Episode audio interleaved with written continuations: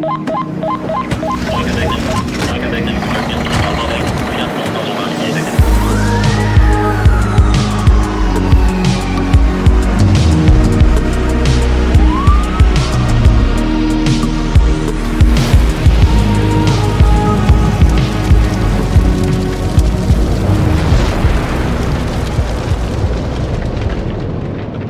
Velkommen tilbake til eh, episode to i denne medieserien om gass. I dag handler dette her om gassflasker og tanker. Gasstanker. Og jeg har fortsatt med meg Kai Arne her. Velkommen. Takk, takk. Så det her med gassflasker og tanker, hva er greit å vite om dette? her? Det som er eh, sånn i beredskapssammenheng, det som er greit å vite, er jo at avhengig av type gass. Så er det jo forskjellige typer beholdere dette lagres på, Mm. og de oppfører seg ulikt ved hendelser. Så jeg tenker at det kan være fint at vi går gjennom liksom hvilke typer beholdere vi har, og, og hva som er ulikhetene, da. Så man har et bevisst forhold til, eh, forhold til det. Ja, hvilke beholdere har vi da? Vi, vi deler jo inn gassene i, i fire kategorier. Vi snakker om det som er komprimert gass, altså gassflasker som fylles med komprimert gass type oksygen, nitrogen, hydrogen, metan, og til 200 bar, eh, noen også 300 bar. Eh, I prinsippet helt likt det røykdykkerne har på ryggen, bare at de har komprimert luft, da. Mm. Så det er den ene typen. Og så har vi da det som vi kaller for eh, absorbert gass. Det er vel det som veldig mange brannfolk i hvert fall kanskje har veldig størst respekt for, da, som man tenker er acetylenflasker. For acetylen er en Altså det er en gass som oppvares inni en flaske som er fylt med en spesiell masse, og så absorberes rett og slett acetylengassen eh, i, eh, i aceton inni den der massa. Så det er, det er bare acetylenflaska som er konstruert på den måten, av alle flaskene på markedet. Ja, den er litt spesiell. Den er litt spesiell, det kan vi snakke litt mer om. Men jeg skal bare nevne de to andre også. Det er jo da lettkondenserbare gasser og tungtkondenserbare gasser. Og forskjellen er at en lett kondenserbar gass, det, det kjenner vi lettest igjen på en propanflaske. Det er altså at du fyller gass i væskefase inn på bålet, og, så når du stenger krana, så holder den seg i væskefase inne på bolleren, for den er lett kondenserbar, altså den er lett å sette under trykk og holde i væskefase. Mens de tungt kondenserbare gassene, det er de dypkjølte gassene. Eller kryogene, som vi også har snakka om. ikke sant? Det betyr at det er, det er disse veldig kalde gassene. Typisk eh, flytende oksygen, flytende nitrogen, flytende argon, eh, flytende naturgass, altså metan, og også på vei inn på markedet nå flytende hydrogen. Så de forskjellene her er jo at disse gassene, de kryogene gassene, de er jo da lagra på en, i all enkelthet, en termos. Det er en innertank og en yttertank med vakuumisolasjon imellom, som gjør at selv om det er vanlig omgivelsestemperatur, f.eks. for eksempel sommertemperatur på yttersiden, så er det jo da temperaturer inni disse tankene kanskje fra 140 til 269 minusgrader. Såpass. Ja. Ok, så hvis vi begynner med den spesielle først, da. Acetylen. Acetylen. Ja. Acetylen er altså en, en gass hvor, hvor i hvert fall min erfaring er at de fleste brannmenn de er jo veldig redd for dette med, med spalting. Mm. Alle har hørt om spalting, og at det kan skje i forhold til eh, støt og slag og sånn. Og det er greit å avkrefte her og nå at det gjør det ikke. Dagens moderne acetylenflaskepark, der er denne massen inni flaska konstruert på en sånn måte at spalting som følge av støt og slag og sånn, det kan dere se bort ifra. Og, og i hvert fall de flaskene som går i Norge og som er produsert etter disse standardene vi har her, da. Så, så er du ute på et, eh, eh, et skadested hvor, eh, hvor en lastebil har velta, eller en container har velta, eller noe sånt, så det at, eh, at det har starta spalting på grunn av det, det har det ikke. Eh, det måtte i så fall være at det var en, en 50 år gammel flaske som var i retur fra en eller annen bonde, og som har stått der og aldri blitt tømt, og det er jo Ja, sannsynligheten for det er jo veldig, veldig, veldig, veldig liten, da. Så, så det er vel liksom det ene at at det ikke kan skje, da, det med spalting. Spalting kan du få enten ved oppvarming, eller et, at brukeren har et gjennomgående tilbakeslag. Og, og hva det egentlig er, det er litt sånn tungt å forklare uten å tegne det opp, men acetylengassen, Det er altså sånn kjemisk sammensetning, så er det to karbonatomer og to hydrogenatomer. Så blir det altså C2H2. Og hvis dette her blir varma opp til over 300 grader, eller blir trykksatt eh, i, i, kan du si, åpent rom, så, så, vil, så vil det spaltes, da. Sånn at det, det blir ustabilt, at karbonatomene de på en måte begynner å spalte og lage energi. Og når denne spaltinga starter inn i flaska, så vil jo den fortsette å pågå, eh, til å utvikle varme, så mye at flaska til slutt vil revne, da, som vi snakka om forrige episode. Mhm.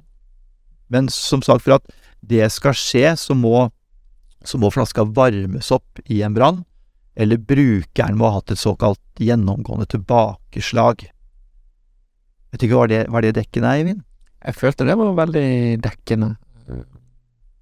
Så det bare legge til det også. De, I mange tilfeller, hvis man har vært på en brann, eller man har sett en astylenflaske på en brannstasjon De fleste brannstasjoner har jo en astylenflaske stående som har revna etter en brann. Mm. Minnes å huske på. Så, så er det jo sånn at en acetylenflaske, den er jo fylt med aceton. For denne acetonen, den, den fylles inn i flaska, og så er det alle disse kapillærkreftene i den derre massa. Du kan tenke deg sånn, øh, sånn oasis, sånn, øh, sånn bl blomsterbindermasse. Tenker jeg at hele flaska er fylt opp med det, bare mye, mye, mye mer porøs. Så man fyller aceton øh, inn i flaska, og så fordeles acetonet inni der, og så fyller man acetylengassen. Og så absorberes acetylengassen i acetonet, og så er det da et trykk inne på den flaska ved 15 grader på 17-18 bar rundt der. Så, så det, det rare med det er at hvis, hvis du ikke hadde hatt massa, så hadde det ikke vært mulig å få til. Da hadde det eksplodert pga. spalting. Mm. Så derfor så kan vi ha det acetylentrykket og den mengden inne på flaska, fordi at du har den spesielle massa med, med det acetonet. Så som sagt, hvis han varmes opp, eller man får et tilbakeslag, så, så, vil, eh, så vil denne her kunne starte spalting og så, og så revne. Men tanken er at det at han er løst opp i aceton, og at uh, alle disse porene er der, det gjør at denne spaltinga ikke skjer, da. Rett og slett. Det er jo uh, Det er jo veldig interessant. Um, og så har du disse andre beholdere. Eh, hvis vi går på lettbeholdere, kan du gå litt dypere inn i den? Lett kondenserbar. Ja, le, unnskyld, lett kondenserbar. Ja, eh, det er Det enkleste der er å tenke propanflaske. Ja. Det er noe alle kan forholde seg til. Da vet vi det at innpå der er det væske. Og så vet vi også det at temperaturen innpå den flaska, det er det samme som omgivelsestemperaturen ute. For det er jo bare en tynnvegga skall imellom. Det ser det jo lett ut på en komposittflaske, for da ser du jo propanet der inne. Så, så kan du si det sånn at eh, hvis, øh, hvis denne da lett kondenserbare gassen som er i væske, da, hvis den blir varma opp, så vil jo da væska begynne å på en måte kreve mer plass, etter hvert som molekylene krever mer plass. Og så går dette veldig pent og pyntelig i starten. Men man kan på en måte se for seg en kurve som på en måte er bøyd, da, ikke sant. Det går veldig pent og rolig i starten, og så etter hvert som det frivolumet blir brukt opp, da. Det er viktig å poengtere at en propanflaske som er nyfylt, den er fylt 80% full med væske, og de siste 20% det er rett og slett en støtpute. Det er gassfase for å ta opp de normale temperaturvariasjonene. At væska skal få utvide seg, ikke sant? Ja. Eh, og, og jo nærmere du kommer eh, punktet for at sikkerhetsventilen blåser, da, 65 grader, ikke sant? så jo kjappere går det opp dit, da. Så kan du si det sånn at hvis ikke du hadde hatt sikkerhetsventil, for den blåser på 25 bar, 65 grader, så ville jo flaska rett etterpå, den ville jo revna. Den ville jo som, vi gå- vi gått i en såkalt bleve, som vi nevnte i forrige episode, ikke sant? Boiling liquid expanding vapor explosion. Så man vet liksom er dette at liksom det store dramatiske med propan, da, ikke sant, som, som er skummelt. Og det kan skje på en sånn beholder, ikke sant, men, men tanken er lett konservbar, væskefase. Eh, man holder innafor normaltemperaturen, all fine. Blir det høyere, så blåser sikkerhetsventilen. Og det, det gjelder for propan og man har liksom tilsvarende løsning på karbondioksid, eksempel, som jo ikke er en brennbar gass, den er kvelende. Eh, men den også har jo en, en, en trykkavlastingsmekanisme. Eh, og noe vi skal snakke om senere, er giftige gasser. Der er prinsippet å holde giftgassen så lenge som mulig inne på flaska. Ammoniakk for eksempel, ikke sant? Væskefase. Veldig lik propan på mange måter, med trykk og sånn. Men der vil man ikke ha noe sikkerhetsventil som, som begynner å blåse giftgass ut i omgivelsene hvis man kan unngå det. Så den er på en måte tett. Mm. Så den vil, eh, hvis temperaturen blir høy nok, så vil den ryke Mm. i en brann. Ja. Det er liksom de lett kondenserbare. Væska utvider seg. Noen har trykkavlastning, noen har ikke. Og blir det varmt nok og de ikke har trykkavlastning, så vil den revne. Ja. Bare væskefase som, som kommer ut av beholderen med stort trykk, da. Ja, væskefase. Væskefase. Ja. Og så har vi eh, Du nevnte også tung kondenserbare, disse her eh, kryogene. Ja. Ja. Tung kondenserbar gass, også kryogengass. eh, Det er, eh, det er jo da typisk disse luftgassene som er gjort om i flytende fase. De drar liksom gjennom en fabrikk, og, og så, blir de, så blir de i væskefase.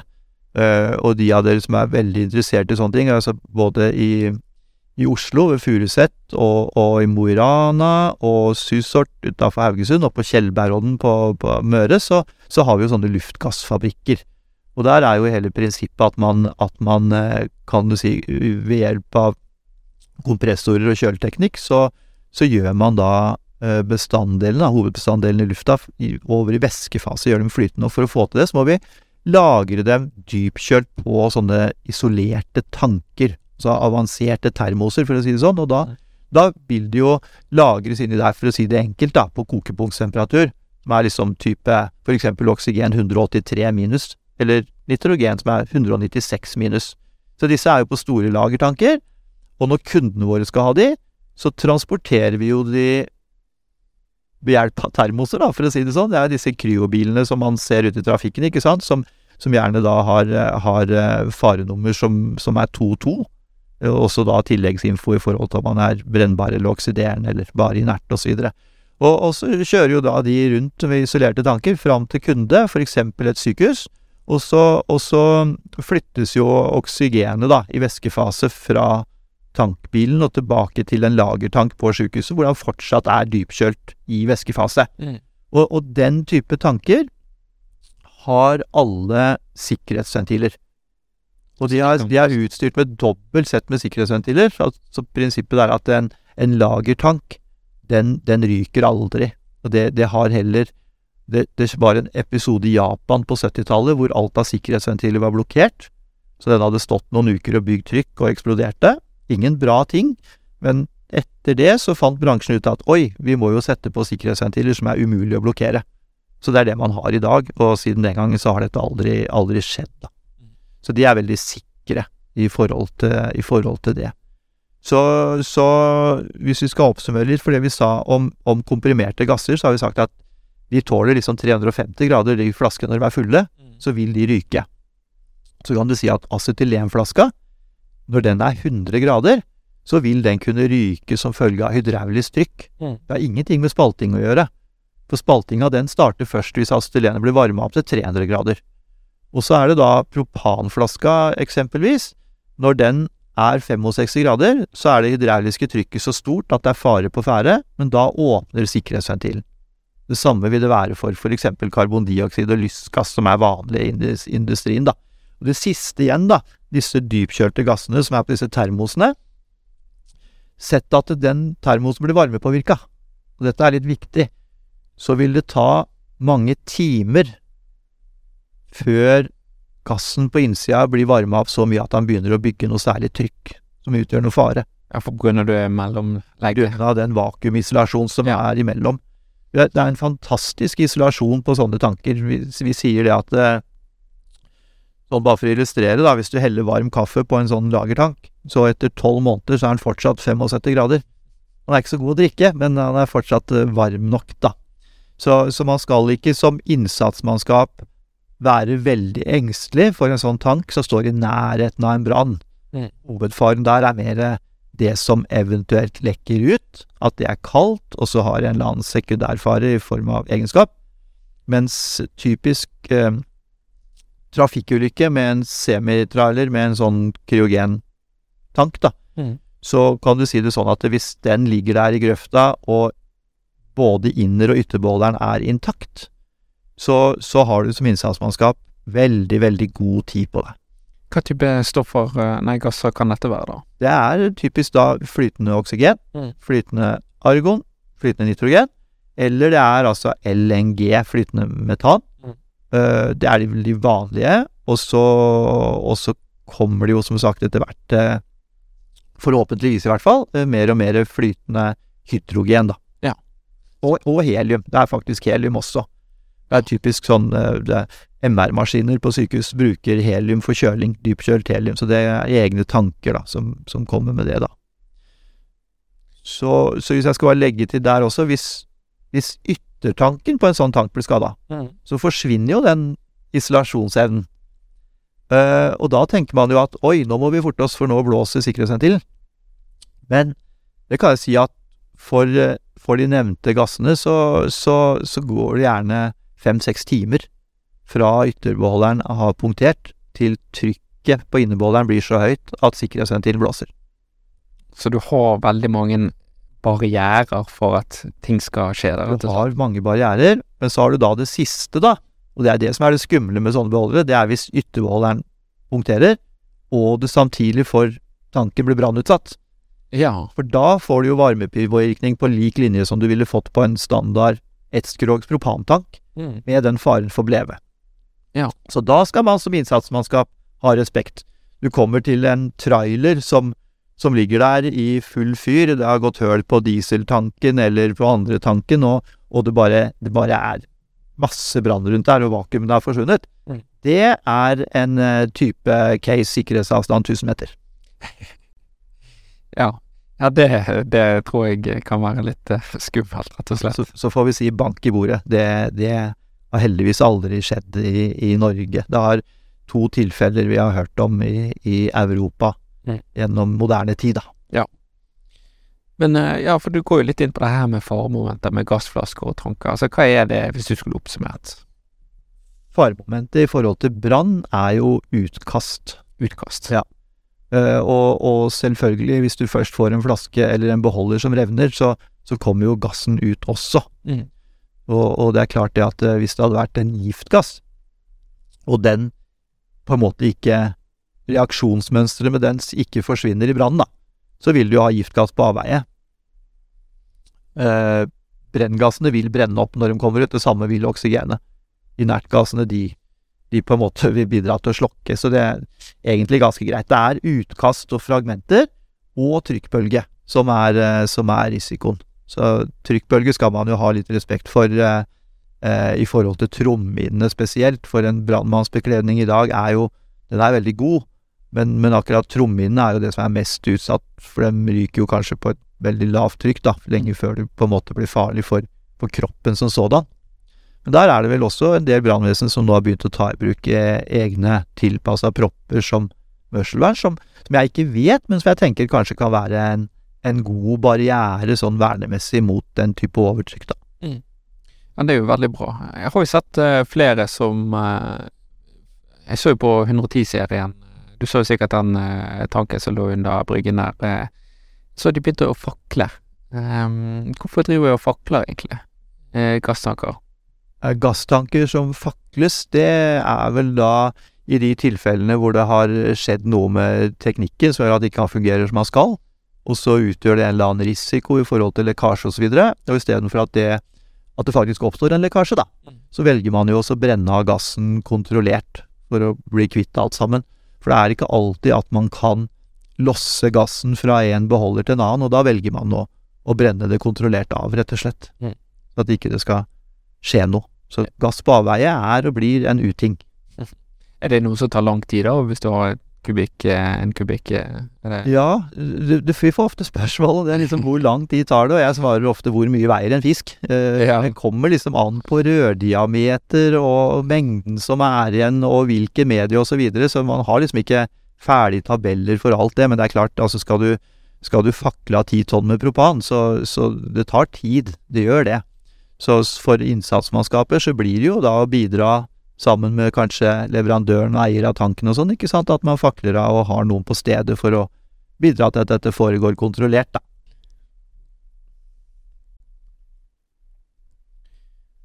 Og så er jo det sånn at disse gassflaskene, gass... Eh, gasstankene, de kan jo begynne å brenne. Altså, hvordan gjør vi det med innsats mot dette her?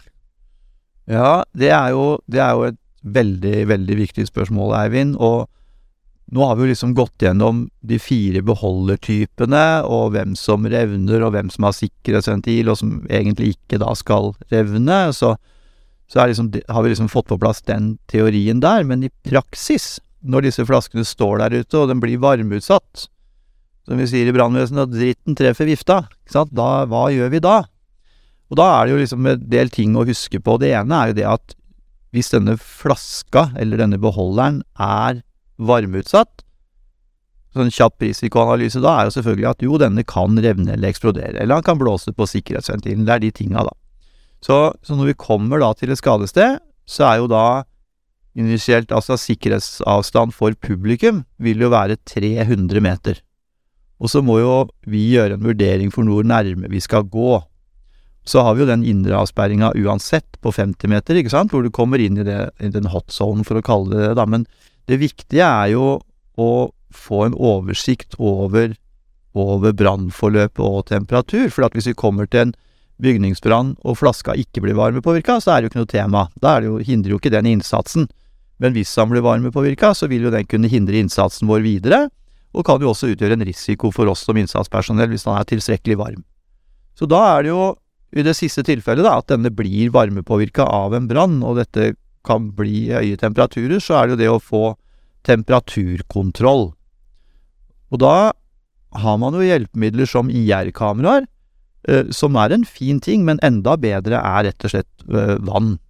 Det beste er fra mest mulig sikker dekning, og pensle flaska med vann for å, for å se om det damper av noen freser osv. Det er det absolutt eh, beste, for da, da, får du en idé om hvor langt dette her har, har kommet, da.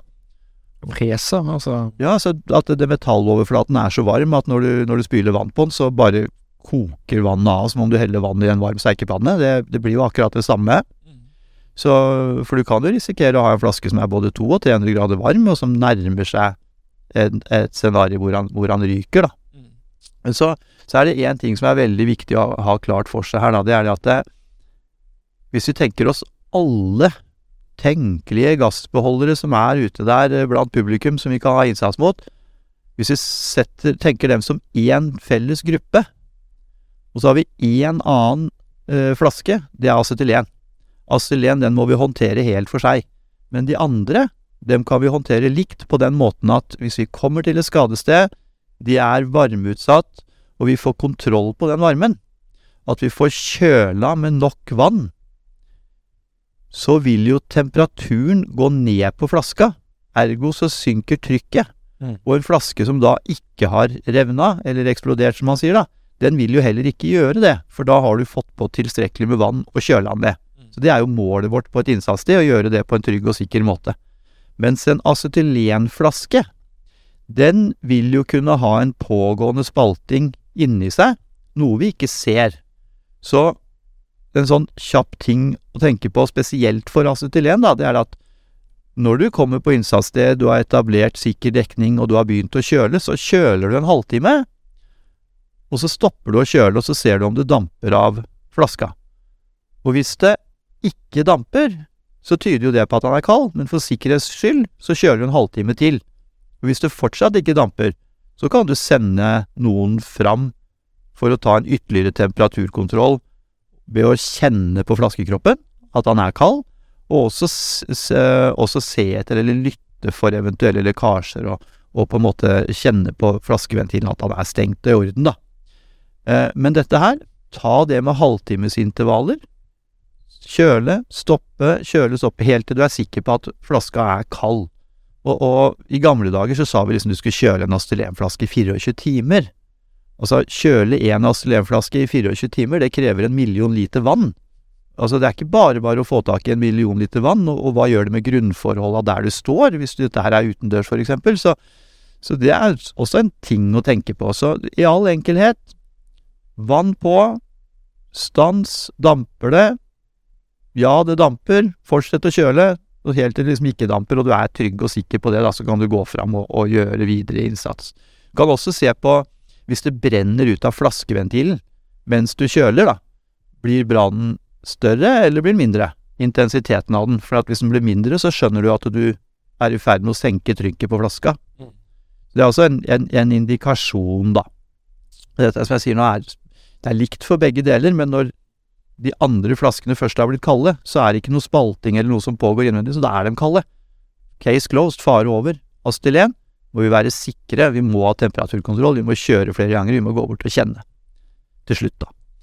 Så er det jo en annen ting som er blitt veldig, veldig vanlig, og, og som er en veldig bra ting, og det er det også beskytning av flaska.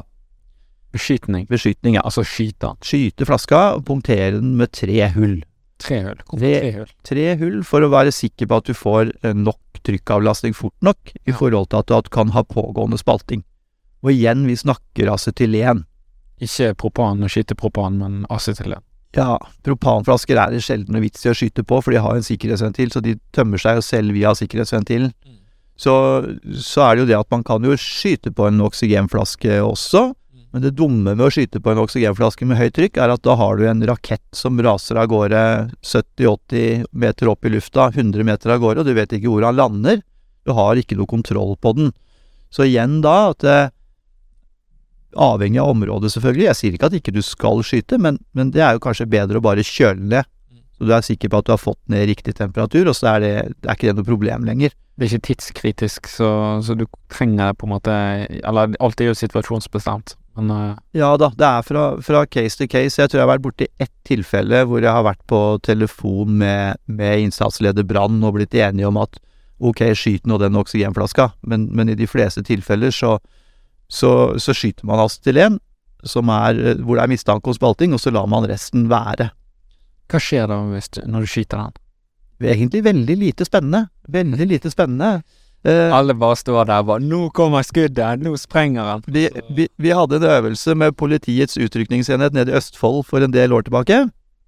Hvor vi gikk gjennom eh, opplæringskompendiet som de bruker på Politihøgskolen, og liksom gjorde litt korrigeringer, diskuterte litt, og så skulle vi ut på skytebanen etterpå, og så hadde vi med oss til en flasker som de skulle skyte på. Og de gleda seg enormt til å skyte på disse flaskene.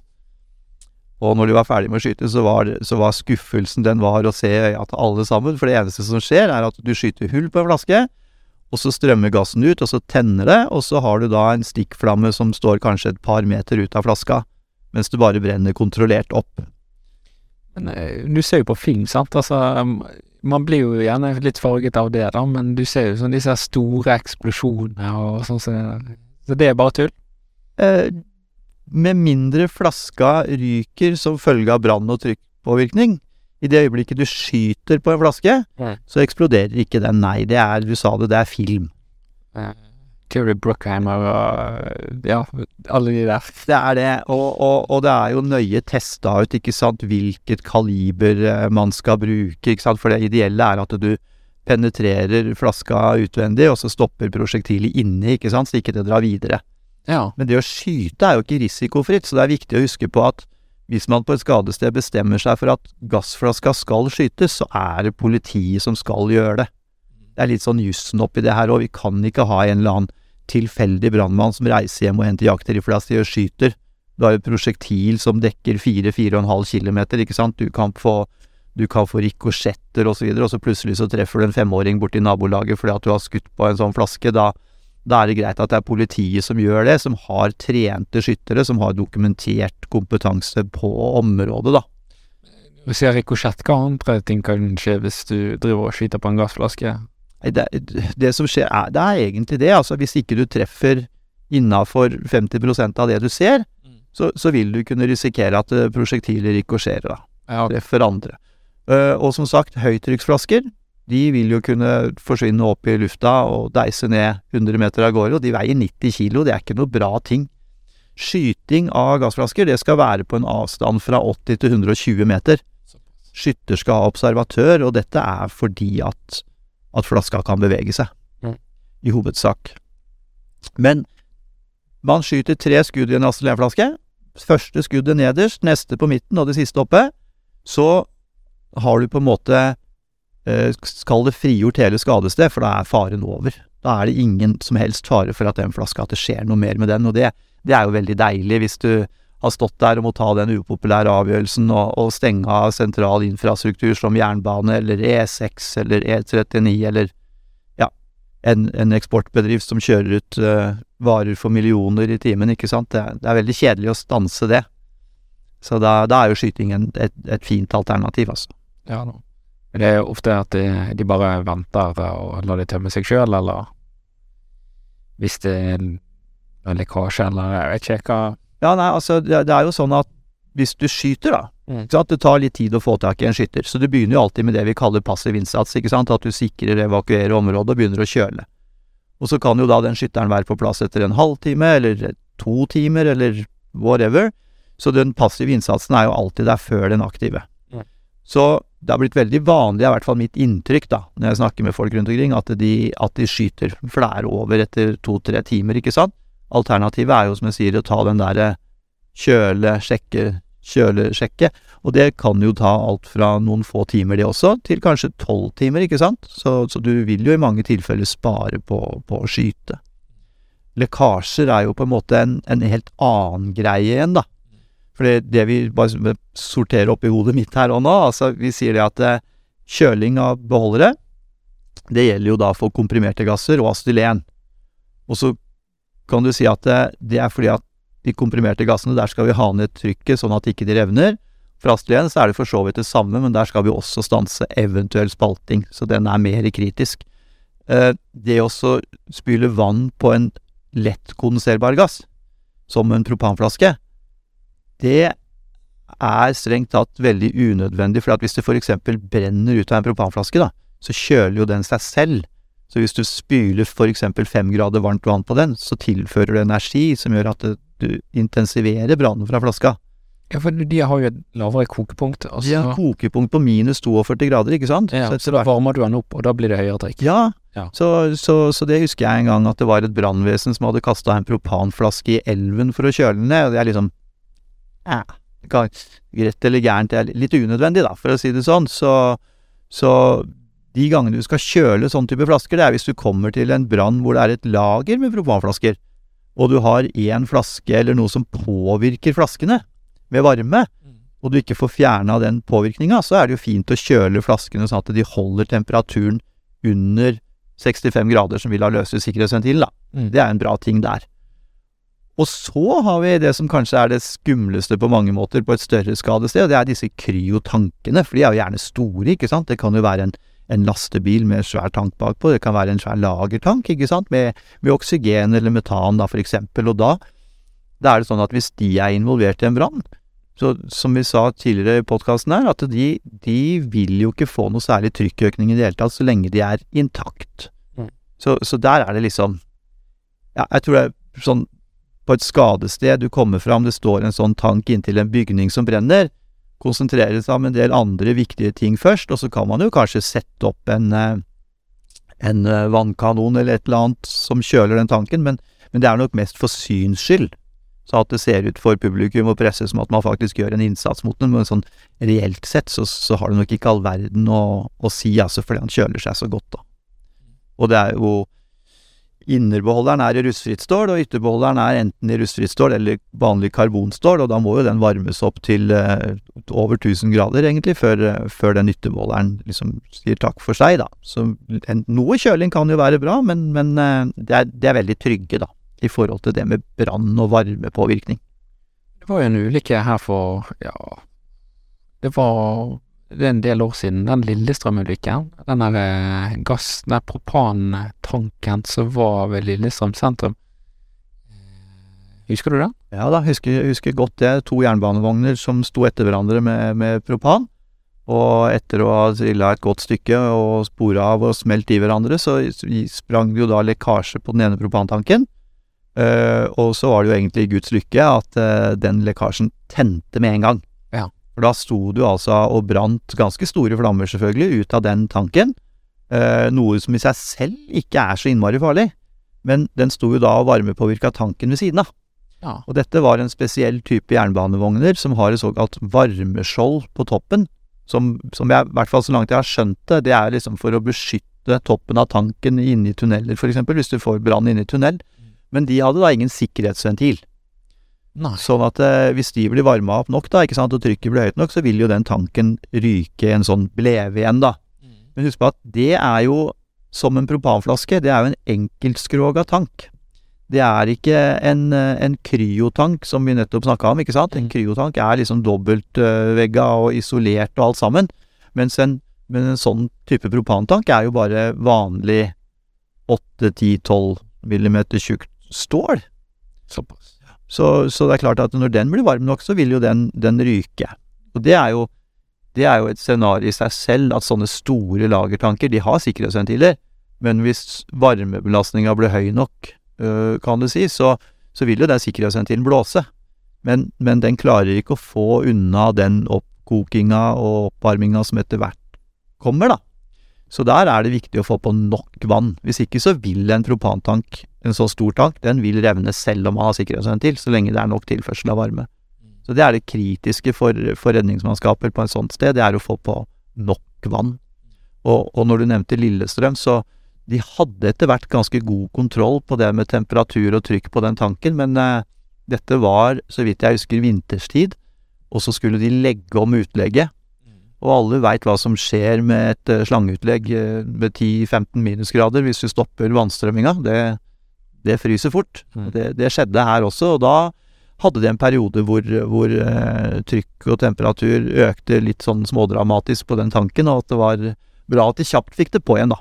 Ja da. Nytt vann, så de fikk nok. Jeg hadde vært ganske våt i buksen og stått der. Det virket jo nesten som at hele Lillestrøm skulle bli fjernet fra kortet. Ja, og det, det hadde nok ikke vært så langt fra sannheten heller, hvis den tanken hadde ryket. Så som du sa i stad, så sånne tanker å bleve, da er jo sikkerhetsavstand minimum én kilometer.